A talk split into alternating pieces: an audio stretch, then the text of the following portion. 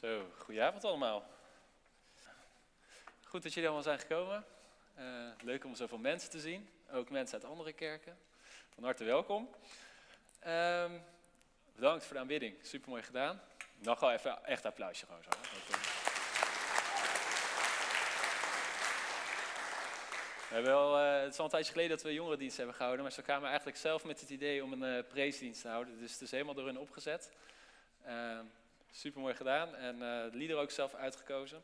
Ik kan me voorstellen dat als je ouder bent, dat je denkt, waarom al die Engelse liedjes? Dat hebben sommige mensen. Hè? Dat, uh, en dan wil ik toch even, even ze daarin verdedigen of even uitleggen waarom dat komt. Kijk, dit is een generatie, die loopt de hele dag met die oordopjes op. Hè? Dat zie je wel buiten. En dan gaan ze naar de supermarkt en dan denk je, joh, die gast luistert niet eens, maar dan heeft hij hem vaak uitstaan. Of sommigen misschien niet, maar ze hebben altijd muziek op. En ik ben heel blij dat heel veel jongeren niet de hele dag van die hardcore herrie aan het luisteren zijn, maar vooral aanbiddingsmuziek. Uh, deed ik ook regelmatig. Ik ben niet meer zoveel van de muziek, maar meer van de stilte nu. Maar vroeger deed ik het ook vaak. En dan op een gegeven moment heb je een beetje de Nederlandse liedjes gehoord en dan ga je de Engelse luisteren en denk je, oh, daar zit toch ook heel veel mooie muziek tussen. En uh, misschien is het een beetje vroeger in Nederland, ik weet niet lang voordat ik er was, maar de oudere mensen kunnen dat waarschijnlijk beamen, die gaan gewoon ja zeggen. De tweede taal was gewoon een beetje Duits waarschijnlijk, toch? 60, 70 jaar geleden was de tweede taal Duits of niet? Sprak je toen Engels of Duits eerder? Wel Engels? Oh, nou, dan maakt het helemaal niet uit. Maar in ieder geval, de tweede taal nu voor de jongen is gewoon Engels. Dat is, ik dacht allemaal Duits gewoon een beetje erbij. Duitse tv en zo, maar uh, blijkbaar niet. uh, in ieder geval, de tweede taal is gewoon een beetje Engels. Dus het is een soort van automatisme geworden om Engels te zingen. En er zitten prachtige liederen tussen. Um, on Fire, dat is het uh, thema voor vanavond. Ik kreeg de vraag, wil je daarover spreken? En uh, een heel mooi thema. En toen zat ik te denken, ja, waar ga je dan over spreken? Hè? On fire, dus in vuur en vlam staan. Um, beeld uh, van vuur komt best wel vaak voor in de Bijbel. staat voor reiniging, staat ook voor heiligheid. Uh, als God aan Mozes verschijnt, dan verschijnt hij in een brandende braamstruik. En toen dacht ik, ja, hoe kunnen we dat nou op onszelf betrekken? En als je in het Oude Testament leest, dan zie je dingen die heel vaak on fire zijn, zijn offers. Er werden heel veel offers gebracht in het Oude Testament in de tempel, voor allerlei redenen. En een offer werd vaak in brand gestoken, uh, on fire voor God. En het mooie is, uh, er is geen tempel meer, maar wij brengen eigenlijk nog steeds dagelijks een offer aan God. Niet letterlijk, tenminste, ik ga ervan uit dat je dat niet doet, uh, hoeft niet. maar wij zijn een levend offer voor God. En daarover wil ik lezen met jullie in Romeinen 12 de eerste twee versen. En daar worden wij een heilig, levend, welgevallig offer genoemd. Dus een offer wat on fire is. Laten we met elkaar lezen. Het is een kort stukje. Het heet Leef volgens de wil van God. Broeders en zusters, met een beroep op Gods barmhartigheid vraag ik u om uzelf als een levend, heilig en God welgevallig offer in zijn dienst te stellen. Want dat is de ware eredienst voor u. U moet uzelf niet aanpassen aan deze wereld, maar veranderen door uw gezindheid te vernieuwen. Om zo te ontdekken wat God van u wil en wat goed, volmaakt en hem welgevallig is. Tot zover. Ik zal hem zo meteen nog een keer herhalen, maar ik wil eerst graag met elkaar bidden voordat we naar de preek gaan luisteren. Vader God in de hemel, dank u wel dat wij hier met elkaar mogen zijn. Dank u wel dat er zoveel mensen voor kiezen om op een regenachtige herfstavond naar de kerk te komen om u te aanbidden. En ik vond het mooi het tweede nummer wat we zongen. Ik ben hier gekomen om u te aanbidden, hoe ik ook denk of voel. Heer, het maakt eigenlijk niet uit of we nu blij zijn, of dat we verdrietig zijn, of dat het supergoed gaat met ons. Of zoals eh, Linda net zei, of je nou in een storm zit of misschien bovenop een bergtop staat. Heer, hoe ik me ook denk of voel, kies ervoor om u vanavond te aanbidden. Misschien echt wel met twijfels of met gedachten van waar ben ik mee bezig. Maar ja, dat is ook geloof. Dat we mogen weten dat u er bent, ook in de storm, ook in de momenten dat we het niet voelen, ook in de momenten dat we u niet zien. En Heer, we, als we zo meteen gaan luisteren ook naar de boodschap, Vader, over hoe we on fire voor u mogen staan, dan bidden we ook dat we ons hart ervoor mogen openen. Heer, dat we steeds meer zo'n offer mogen worden wat u van ons verlangt. En dank u wel, God, dat u een genadige God bent. We hebben net over gezongen. U bent een heilige God, een genadige God, een liefdevol God. U bent zoveel groter dan wij kunnen denken of beseffen. En we zijn u dankbaar, Vader, dat, we, dat ondanks dat beperkte beeld dat we van u hebben, want dat hebben we allemaal, we hebben allemaal geen idee wie u eigenlijk bent, hoe groot u bent, dat u toch ons wil kennen, dat u elke dag zegt, kom bij mij. En daar zijn we u dankbaar voor. Je wil ook bidden voor de dingen die misschien ons echt bezighouden, waar we zorgen over maken. Heer, familie, vrienden, ziekte. Heer, we moeten ook denken aan Ali van Groenige als net Barend is overleden. En we bidden dat u ook eh, haar en de familie draagt. Heer, dat u ze bijstaat en dat u ze ja, uw liefde geeft en uw troost. Vader, misschien hebben we nog meer mensen in onze omgeving die ons dierbaar zijn. Heer, wilt u ze helpen, wilt u ze zegenen en nabij zijn. Dat bidden we zo in Jezus' naam. Amen.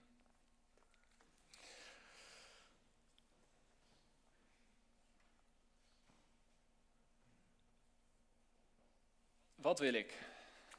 Hoe vaak stel jij jezelf die vraag? Bewust of onbewust? Wat wil ik vandaag eten?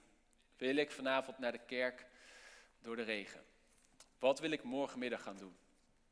Allemaal vragen die je zelf elke dag wel stelt. Je hebt ook uh, wat meer serieuzere vragen die je misschien stelt, behalve die kerk, die was ook serieus. Hè? Um, wat voor opleiding wil ik doen als ik uh, jonger ben? Uh, wat voor partner wil ik? Wat voor leven wil ik leiden? Wat wil ik misschien wel bereiken in mijn leven?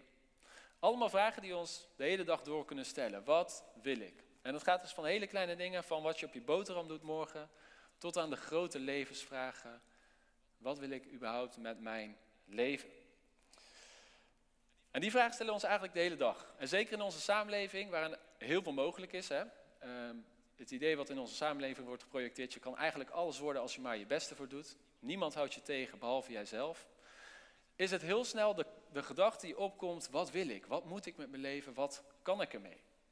En wij uh, in het Westen doen dat wat vaker dan mensen in derde wereldlanden. Heel veel mensen in derde wereldlanden die hebben vaak niet de luxe om de hele dag zichzelf de vraag te stellen, wat wil ik? Welke energiedrink wil ik? Naar welke fastfoodketen wil ik? Die hebben vaak één idee en dat is ik moet vandaag de dag doorkomen. En hoe, dat zien we allemaal wel, maar het enige wat ik wil is eigenlijk overleven. En wij zijn heel veel bezig met, oké, ik kan van alles doen. Hè? Welke christelijke muziek wil ik luisteren? Wat wil ik vandaag gaan doen? Wat voor vervoer wil ik? Wat voor auto wil ik? Weet ik voor wat? Alles is mogelijk. In de brief aan eh, de Romeinen, als je die uh, leest, we hebben net uit Romeinen 12 gelezen, dan lees je dat Paulus zegt dat wij als christenen vrijgemaakt zijn door Jezus. Door geloof zijn we gered, zijn we vrij en mogen we zijn zoals we bedoeld zijn. En dan zou je zeggen, oké, nu gaat Paulus ons aanmoedigen om heel goed na te denken over wat jij allemaal wil in je leven. Want je bent nu vrij, maak er het beste van, maak er iets moois van. Ga vooral nadenken, wat wil je met je leven als vrij persoon? En het interessante is dat Paulus eigenlijk het tegenovergestelde zegt. In plaats van te zeggen, jullie zijn vrij, net denk na over wat je wil, zegt hij, doe dat maar eigenlijk niet. Wat jij wil, kan je gewoon even opzij schuiven, laat maar zitten. Want al jouw gedachten, alle dingen die jij wil, die brengen eigenlijk alleen maar rommel of verkeerde dingen voort. En dat zijn Paulus' woorden. Hè? Uh, niet per se, ja, ook wel mijn woorden, want Paulus zegt het dus, uh, ik zeg het ook. Maar over het algemeen, dit zijn Paulus' woorden. Paulus zegt, als je kijkt naar wat jij wil, daar komt er gewoon weinig goeds uit voort. Wij hebben gewoon de neiging tot verkeerde dingen. Of het is niet per se in ons idee verkeerd, maar het is vooral op onszelf gericht. En daardoor gaat er vaak een ander uh, doe je daarmee tekort. En Paulus zegt, in plaats van nou eens op te, op te richten waar jij, wat jij wil, richt je eens op wat God wil. Wat wil God van jou? En niet wat wil jij nou met je leven als je vrij bent? En dat is een hele goede vraag om te stellen. En een moeilijke vraag. En ik denk als ik vraag wat, dat, uh, deze vraag stel, wat wil God met jou, dat heel veel mensen denken, ja, goede vraag. Nee, heel veel mensen die niet geloven, als je die de vraag stelt van waar leef je voor, wat wil jij, weten überhaupt al niet wat ze willen. Dus dan de vraag stellen, wat wil een ander, wat wil God van mij? Dat is vaak nog weer even net een stap verder en een antwoord die moeilijker te vinden is. Sommigen hebben wel een antwoord. En wat ik veel jongeren hoor zeggen is, ik weet wel wat God wil. En dat is dat ik zijn wetten naleef. Dat is Gods wil. Leef zijn wetten na. En wat de jongere dan doet, of een tiener vaak doet, uh, die zegt: Oké, dit is wat God wil. Die wil dat ik zijn wetten naleef. Ik wil dit. Puntje, puntje, puntje. En vaak gaan ze dan afwegen en zeggen ze: Dat komt niet helemaal overeen. En dan hebben we een dilemma. Want wat gaan we dan doen? Mijn wil of Gods wil? En dan kom je dus in een vaarwater van: Ja, ik moet eigenlijk Gods wet houden, maar ik wil het niet, dus ik ga het maar wel doen. Maar hoe ga ik dat precies doen? En ik wil ook mijn eigen leven leiden. En voor je het weet ben je een beetje heen en weer aan het schommelen en ga je eigenlijk nergens heen. En ik moet nou een beetje opletten met wat ik zeg, maar ik geloof niet dat dat per se de bedoeling van God is. Dat je op die manier zijn wet naleeft. En ik wil met jullie een stukje lezen uit Marcus, 16, om een, of uh, Marcus 10, om een beetje te duiden uh, hoe de wet bedoeld is. En dat sommige wetten die God heeft gegeven niet eens eigenlijk zijn wil zijn. En dan denk je misschien, God heeft het toch gegeven? Maar even om duidelijk te maken dat het niet mijn eigen gedachtenspinsels zijn, maar dat Jezus er zelf zo over denkt. Over dat de wet naleven niet per se altijd Jezus zijn eigen gedachte is. Je mag meelezen, als het goed is komt het op het scherm. Marcus 10, vers 1 tot en met 9. Jezus vertrok uit Cafarnaum naar Judea en het gebied aan de overkant van de Jordaan. En de mensen verzamelden zich weer in grote getalen om hem heen. Hij onderwees hen en, uh, zoals hij gewoon was te doen. En er kwamen ook fariseeën op hem af. En ze vroegen hem of een man zijn vrouw mag verstoten. Zo wilden ze hem op de proef stellen. En Jezus vroeg hen, hoe luidt het voorschrift van Mozes? Dus, hoe luidt de wet? Wat zegt Mozes wet erover, de eerste vijf boeken? En ze zeiden, Mozes heeft de man toegestaan een scheidingsbrief te schrijven aan, en haar te verstoten. En Jezus zei tegen hen, en dit is een belangrijk zinnetje, hij heeft dat voor u opgeschreven omdat u zo harteloos en koppig bent. Maar al bij het begin van de schepping heeft God de mens mannelijk en vrouwelijk gemaakt. En daarom zal een man zijn, vrouw, of zijn, eh, zijn vader en moeder verlaten en zich hechten aan zijn vrouw. En die twee zullen één worden. Ze zijn dan niet langer twee, maar één.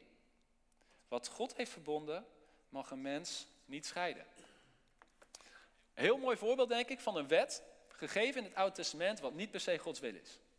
Dus in het Oude Testament, als je Deuteronomium leest, dan zie je dat er inderdaad een wet staat van je mag van je vrouw scheiden, maar dan moet je een scheidingsbrief meegeven, dit, dat, zus en zo. Maar, zegt Jezus, waarom wordt die gegeven? Omdat jullie koppig en harteloos zijn. Jullie denken aan jezelf, jij denkt, ja, die vrouw heb ik geen zin meer in, wat ga ik nou doen? En eigenlijk zegt Jezus, dat is niet Gods wil. Gods wil is dat jij je vrouw lief hebt, dat wat God verbonden heeft, want jij bent met haar getrouwd, dat je bij elkaar blijft. En het feit dat hij eigenlijk zegt van je mag een scheidingsbrief meegeven, dus je mag het op een goede, nette manier oplossen, is meer omdat jullie koppig zijn dan dat het mijn wil is. Dus die wet is meer gegeven van oké, jij bent vrijgemaakt, je bent bevrijd uit Egypte, je bent geen slaaf meer. En om ervoor te zorgen dat jouw vrijheid niet de anderen ten koste gaat, geef ik die wet. Dus een heel mooi voorbeeld van hoe de wet op een verkeerde manier kan worden gebruikt. Door fariseeën, maar ook door ons. En ik denk dat wij dat soms ook als een beetje herkennen in ons leven. Als wij zeggen, oké, Gods wil is zijn wet navolgen, dan krijgen we al heel snel gedachten, die wet, die zegt ik moet dit niet doen en ik moet dat niet doen, ik moet zus niet doen, hè? de tien geboden. Gij zult niet stelen, gij zult niet doden, gij zult niet overspel plegen, gij zult niet, niet, niet. Het is allemaal dingen niet doen.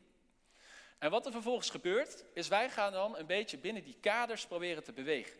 Dus je kan dan de wet een beetje eigenlijk vergelijken met een hek of een lijn. En zolang je een beetje binnen die lijn blijft, is het dan goed, denken wij.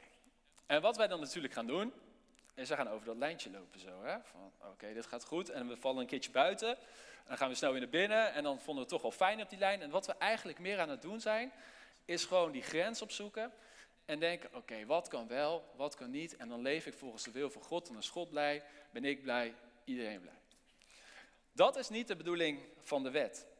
En dat is ook niet wat Jezus van ons vraagt. Dat is niet, laten zeggen, on fire zijn en Gods wil. Jezus, wat ik nou zo mooi vind aan hem, uh, is wat hij hier zegt, is dat als Jezus naar de wet kijkt, dan kijkt hij niet van, dit zijn de dingen die God niet uh, wil dat je niet doet. Maar hij kijkt vooral naar het idee, dit is wat God juist dat je wil dat je wel doet. Dus Jezus kijkt meer, hoe kan ik dingen doen die God wel wil, dan de hele tijd bezig zijn van, oké, ik moet niet te veel daarheen, want dan ga ik buiten de grens. Ik moet niet te veel dit doen. Dus in plaats van de randjes op te zoeken, is Jezus vooral bezig met hoe kan ik zo toegewijd mogelijk zijn aan mijn vader. En daarin maakt hij echt een heel duidelijk verschil, denk ik. Zeker met de fariseeën, die overal gewoon een beetje de letter van de wet probeerden op te zoeken en te kijken waar kunnen we het voordeel uithalen. Is Jezus heel radicaal en zegt het gaat niet om die randjes opzoeken. Het gaat juist om zo toegewijd mogelijk zijn. En als je het boek Deuteronomium wel eens hebt gelezen, uh, dan is dat eigenlijk helemaal geen nieuw concept. Het is niet zo dat het Oude Testament alleen maar regeltjes geeft van jij mag dit niet, niet en niet. Uiteindelijk is de samenvatting in Deuteronomium 6, heb God lief met heel je hart, heel je ziel en heel je wezen. En daar vind je, zegt Jezus, de essentie van de wet. Dit is wat God wil dat je doet. Wees on fire en wees hem zo toegewijd mogelijk. En eigenlijk zegt Paulus hier hetzelfde. Paulus zegt in de, in de Romeinenbrief, als je die leest, van als jij je op de wet gaat richten, op die eerste manier hè, van die randjes opzoeken, dan ben je niet aan het leven volgens de wil van God. Dan ben je een beetje binnen die kaders proberen te blijven, maar niet aan het doen wat God van jou vraagt. En hij zegt, probeer te zijn zoals Jezus. Probeer radicaler te zijn. En misschien denk je, maar Jezus, was die nou zo radicaal? Die at toch gewoon lekker op de Sabbat allemaal dingen. Of die plukte aren en koren op de Sabbat. En die dronk een wijntje met zondaars. En die deed allemaal dingen misschien die eigenlijk niet konden volgens de fariseeën. Maar als je ten diepste kijkt, dan zie je, dat Jezus juist de andere kant van de wet benadrukt. Veel radicaler was. In plaats van te zeggen, je moet niet doodslaan, zegt hij, hoe kun jij je vijand liefhebben? En in plaats van stil niet, zegt hij, hoe kun jij ervoor zorgen dat jij ook deelt met je naaste, dat iedereen eerlijk wat heeft. Dus hij zoekt juist eigenlijk het radicale in de wet en zegt, ik wil volledig voor mijn vader gaan en een offer voor hem zijn.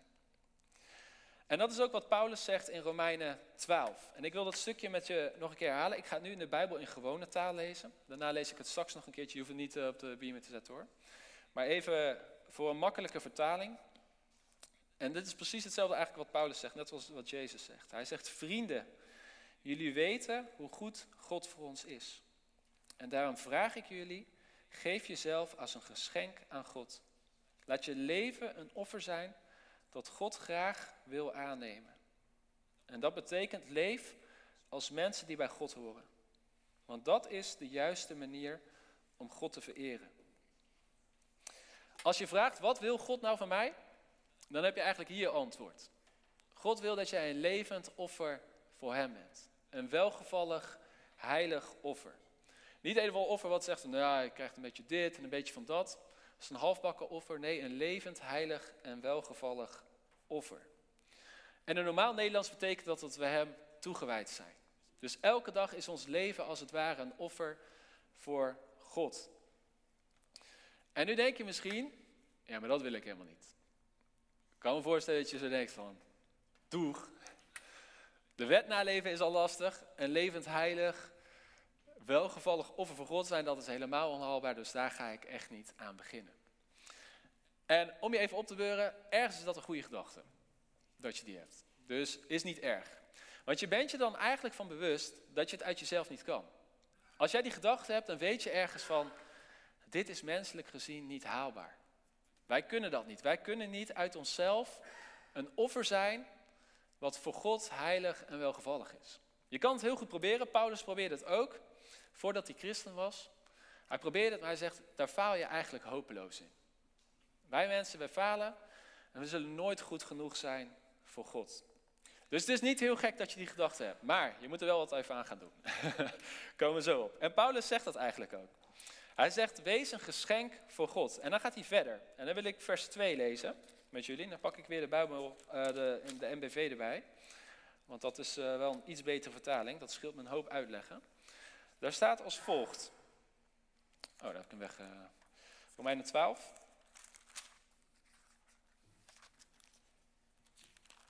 Vers 2. U moet uzelf niet aanpassen aan deze wereld. maar veranderen door uw gezindheid te vernieuwen. Om zo te ontdekken wat God van u wil en wat goed, volmaakt en hem welgevallig is. Paulus zegt, wij moeten eigenlijk veranderd worden. Als jij een heilig offer wil worden voor God, een levend offer, dan moet jij van binnenuit worden veranderd. En voor dat woord uh, wat hij gebruikt om te veranderen, dat is een Grieks woord dat jullie allemaal kennen. Uh, daar hoef je geen Grieks voor te hebben gehad, maar dat is het woord metamorfose. Dat kennen jullie allemaal, denk ik. Hè? Misschien de wat jongere mensen dat het lastige woord is. Maar metamorfose is het woord voor verandering. Je kan een metamorfose ondergaan. Uh, als je bijvoorbeeld een nieuwe look doet, dan zeg je, hey, je hebt een hele metamorfose. Of met je kledingkast een metamorfose. Ik weet niet hoe het allemaal wordt gebruikt tegenwoordig. Maar dat is het Griekse woord voor verandering. Je ondergaat een metamorfose, zodat je een levend offer kan worden. En het is even heel goed om te beseffen hoe dat precies gaat. Uh, want er staat, je wordt veranderd door de vernieuwing van je denken. En ik weet niet hoe goed je Nederlandse grammatica is, maar dat veranderen staat in een passieve werkwoord. En dat ga ik even uitleggen, want dit is belangrijk. Je hebt passieve en actieve werkwoorden. Een actief werkwoord is bijvoorbeeld ik sla Job. Dat is een actieve handeling. Job wordt even wakker.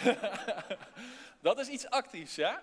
Dus als ik zeg ik sla Job, dan ben ik actief bezig. Ik handel. Een passieve zin, of een passief werkwoord is ik word geslagen door Job. Dat is een heel verschil, hè? Dus ik sla Job of ik word geslagen.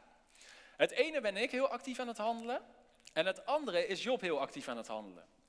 En nu staat er, wordt veranderd door de vernieuwing van je denken. En wat gebeurt er eigenlijk? Jij van binnenuit wordt veranderd. Door de vernieuwing van je denken. Jouw denken wordt vernieuwd, waardoor jij ook wordt vernieuwd. En wie verandert jouw denken? Dat doet de Heilige Geest. Dus, ik zei net, een heilig, levend, welgevallig offer, dat is niet haalbaar. Maar dat hoeft ook niet. Dat komt omdat wij dat onszelf niet kunnen. En omdat God zelf zegt, ik maak jullie een offer wat goed is. Wat ik wil ervaren en waar ik blij mee ben. En dat doe ik door je denken te vernieuwen.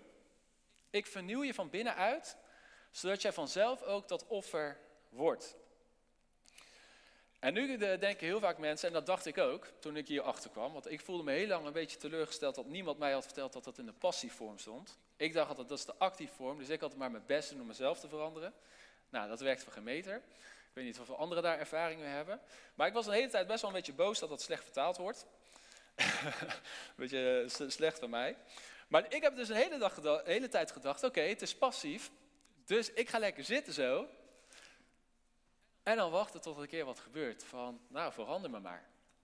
En dan denk ik van, eh, dan sta ik zo meteen op. En dan ben ik een nieuw persoon. Beetje alsof je bij de kapper gaat zitten. Hè? Ik weet niet of je dat wel eens doet. Dan ga je bij de kapper zitten. En dan zeg je, doe maar een nieuwe look. Je doet je ogen dicht en een half uur later staat er een andere persoon. Wie doet dat wel eens? Niemand? Ik vind dat heerlijk. Gewoon lekker mijn ogen dicht doen en ik zie het zo wel. ik ken mijn kapper, dat scheelt. maar dat, zou, dat, dat was mijn gedachte. Van oké, als God het doet, het is passief, hoef ik dus niks te doen. Helaas werkt het niet zo. Dat is een beetje jammer. Daar kom ik zo meteen op terug. Wordt wel degelijk van ons actie verwacht, maar het is wel God die in ons iets teweeg brengt. Het is God die zegt, ik vernieuw jouw denken, zodat jij wordt veranderd en dat jij ook de wil krijgt om mij na te leven. Dus dan wordt het niet meer zoals die fariseeën, hoe ver kunnen we gaan en de grenzen opzoeken van die wet. Maar dan wordt eigenlijk het idee, oké, ik wil God navolgen. Ik sta in vuur en vlam. Ik heb een verlangen om God te kennen. Ik wil hem volgen. Heer, wat verwacht u van mij? En het mooie is dat eigenlijk die vernieuwing van je denken een startschot is. Paulus zegt, uh, word vernieuwd in je denken en dan zul je ontdekken wat goed volmaakt voor God is. Dus dan staat er niet, oké, dan zul je gelijk weten, in één keer zo, hop, nou weet je alles wat God bezighoudt, maar er staat, je zult ontdekken wat God welgevallig en volmaakt voor hem is. En dat vind ik iets heel moois. Eigenlijk is dit vernieuwing van je denken, elke dag gebeurt dat, is een startschot naar, Heer, leer mij uw wil kennen. Leer mij wat u van mij vraagt. Leer mij hoe ik vandaag een offer, een geschenk voor u kan zijn. En ik vergelijk het een beetje met alsof je je hele leven lang blind bent en opeens kunt zien. Stel je voor, je bent je moet het even voorstellen, het is bijna niet voor te stellen. denk ik van, er zijn hier volgens mij geen blinde mensen. Maar stel je voor dat je je hele leven lang blind bent geweest. En dan word je door iemand naar deze kerkdienst gesleept. Je bent hier aanwezig. En dan worden opeens je ogen geopend en kun je zien. Dan gaat er een wereld voor je open, toch? Dan zie je opeens de persoon die naast je zit, die je hebt meegenomen. En denk je, oh, je ziet er zo uit. Weet je wel, ik dacht dat je knapper was of zo, maar valt misschien tegen. Maar je ziet, je ziet licht, uh, je ziet andere personen, je ziet voor het eerst een kansel waar je misschien geen idee van hebt. En dan denk je, oké, ik heb het misschien allemaal gezien. Maar dan loop je de deur uit en dan zie je de maan, je ziet de sterren, je ziet de lucht, je ziet de wolken, je ziet misschien ook al eens een keer de regen. Je ziet opeens allerlei dingen. En het is eigenlijk een soort van ontdekkingstocht naar steeds meer nieuwe dingen. Dus je ogen worden hier geopend en dan zie je een paar dingen. Maar zodra je die deur uitloopt, is het gewoon een hele reis van nieuwe dingen ontdekken die je nog nooit eerder hebt gezien. En zo is het eigenlijk ook met Gods wil leren kennen. God is zoveel groter dan wij eigenlijk kunnen beseffen. En we kunnen niet even in één split second zo op zijn wil leren kennen en denken, nou, dit is wat God wil van mijn leven, succes ermee en ik ga weer naar huis. Als jij wordt vernieuwd in je denken, dan gaat er eigenlijk een reis beginnen van wat verwacht God van mij en hoe kan ik hem, uh, kan ik een geschenk voor hem zijn. Er zit alleen wel een grote Mara. En dat is wat, uh, wat ik net zei. Je kan niet passief achterover gaan zitten en dan weet je, nou, gebeurt me niks. Weet je wel? Dat kan niet. Er wordt toch wel een beetje een actieve handeling. Dus ik moet even het slaan, hè? Ik, ik ga wat doen. um, er wordt toch een actieve handeling gevraagd. Het ding is, als jij God de ruimte niet geeft, gaat hij ook niet jouw hart of jouw innerlijk vernieuwen. God wil jou van binnenuit veranderen. Hij wil jou een nieuw mens maken, een offer maken. Maar hij wacht wel tot jij hem de ruimte geeft. En daar ligt voor ons vaak wel een beetje het probleem. Wij willen God wel ergens de ruimte geven, maar wij willen vaak niet een volledige metamorfose. Wij willen niet een volledige verandering en zeggen: Heer, hier ben ik, maak er maar wat moois van. Als wij verandering willen, en als ik het over lichamelijk heb, bijvoorbeeld uiterlijk of zo, dan willen we vaak, als we naar ons eigen leven kijken, dan willen we wat accenten misschien wat uh, beter maken. Uh, je wil wat rimpels laten wegwerken. Ik wil wat kleinere neus of zo, weet je wel. Uh, en de ander wil weer langer haar of dikke haar. En de, de rest wil weer, weet ik veel, wat mooiere tanden. We willen misschien een paar dingen veranderen. Maar niemand zegt eigenlijk heel snel van oké, ik ga zitten, laat het maar komen. De enige die dat vaak doen zijn mensen die bijna niks meer te verliezen hebben. Ik weet dat heel veel tieners het altijd heel frustrerend vinden. Dat er mensen zijn die alles doen wat God verboden heeft en dan tot geloof komen. En dan zeggen ze altijd, ja, waarom hij altijd wel? En hij is helemaal veranderd en ik ben nog gewoon normaal, weet je wel. Ik zie het allemaal niet en hij heeft dit en dat. En hij heeft gewoon alles gedaan wat niet mag. En toch is hij helemaal veranderd. En het grote verschil is, en dit is niet een verwijt, dit geldt net zo goed voor mij. Maar mensen die niks te verliezen hebben, die alles gedaan hebben wat God verboden hebben, die in de gevangenis zitten en denken, ja, dit was het ook niet. Die geven zich, denk ik, af en toe gewoon wat makkelijker over en zeggen, kom maar dan. Weet je wel, ik heb niks meer te verliezen. Doe maar die metamorfose. En wij hebben heel veel te verliezen, denk ik. Wij hebben allemaal wat te verliezen. Onze status, onze ego, we schamen ons of we zijn onzeker. En daarom is het voor ons misschien veel lastiger om te zeggen, Heer, vernieuw mijn denken. En de uitdaging is, als je zo'n offer wil zijn voor God, is om steeds meer jezelf open te stellen voor die vernieuwing. Elke dag weer zeggen, Heer, vernieuw mijn denken. Vernieuw mijn hart, zodat ik een offer kan zijn. En de ene dag gaat het gewoon supergoed en lukt dat. En dan zegt God wat tegen je en dan ga je het misschien doen. En de andere dag zit je van, ja, dit, dit werkt niet, dit lukt niet, dit durf ik niet. En dan is het een beetje met vallen en opstaan die ontdekkingsreis aangaan. Maar ik wil je aanmoedigen, en daar wil ik ook mee afsluiten met gebed, om God steeds meer toe te laten en te zeggen, Heer, geef mij maar die metamorfose. Hoewel ik het misschien spannend vind, hoewel ik misschien denk, oké, liever niet dit gedeelte, alleen dat gedeelte. Dat je God zegt, doe het maar. Ik geef mezelf aan u over.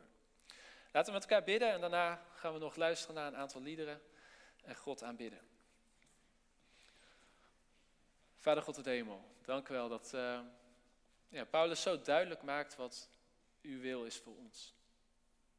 Heer, dat Paulus zegt dat we niet te veel moeten nastreven wat we allemaal zelf willen, omdat het allemaal verkeerde dingen voortbrengt. Maar dat hij vertelt dat we een offer, een geschenk voor u mogen zijn. En Heer, ik denk dat we daar heel wisselend naar kijken. Misschien best wel een beetje vraagtekens bij hebben en denken van, wil ik dat echt? En Heer, dat is heel menselijk om te denken, dat we ja, toch twijfels hebben daarin. En hoe bijzonder is het dan dat u daarin ook een oplossing biedt. Dat u zegt, ik zal jullie zelf veranderen. Ik zal ervoor zorgen dat jullie een geschenk zijn waar ik blij van word. Wat mij verheugt en wat ook volmaakt is. En vader, ik bid dat wij ook steeds meer ons hart mogen openen. Voor uw Heilige Geest, die ons van binnenuit vernieuwt. En ons leert wat het is om uw wil te doen. En Heer, ik bid dat we ons hart steeds meer voor u mogen openen. Misschien durven we dat niet. Misschien hebben we heel veel te verliezen menselijke wijs. Maar ik bid dat we ons ook door u mogen laten overtuigen. Dat we ons hart voor u openen, ons denken voor u openen, ons wezen helemaal voor u openstellen. Zodat we ook een metamorfose mogen ondergaan. En zodat we ook mogen worden zoals we bedoeld zijn. En vader, ik vraag daarover ook uw zegen. En ik bid, Heer Jezus, dat als dat sommige dagen best wel lastig is, als we daar soms ook fouten in maken, dat we altijd mogen weten dat, dat u elke dag met ons aan de slag wil. En dat uw plan niet ophoudt. En ik bid, Vader, dat we op die manier ook in vuur en vlam voor u mogen staan. Dat we zo mogen leven zoals Jezus doet. Niet om de randjes van de wet op te zoeken, Heer, maar om u te volgen met verlangen, met passie en vol vuur. En Vader, dat is ons gebed. En we bidden als we zo meteen ook gaan zingen, Heer, dat we dat vol passie mogen doen. Dat we u mogen eren, omdat u alle eer toekomt. In Jezus' naam. Amen.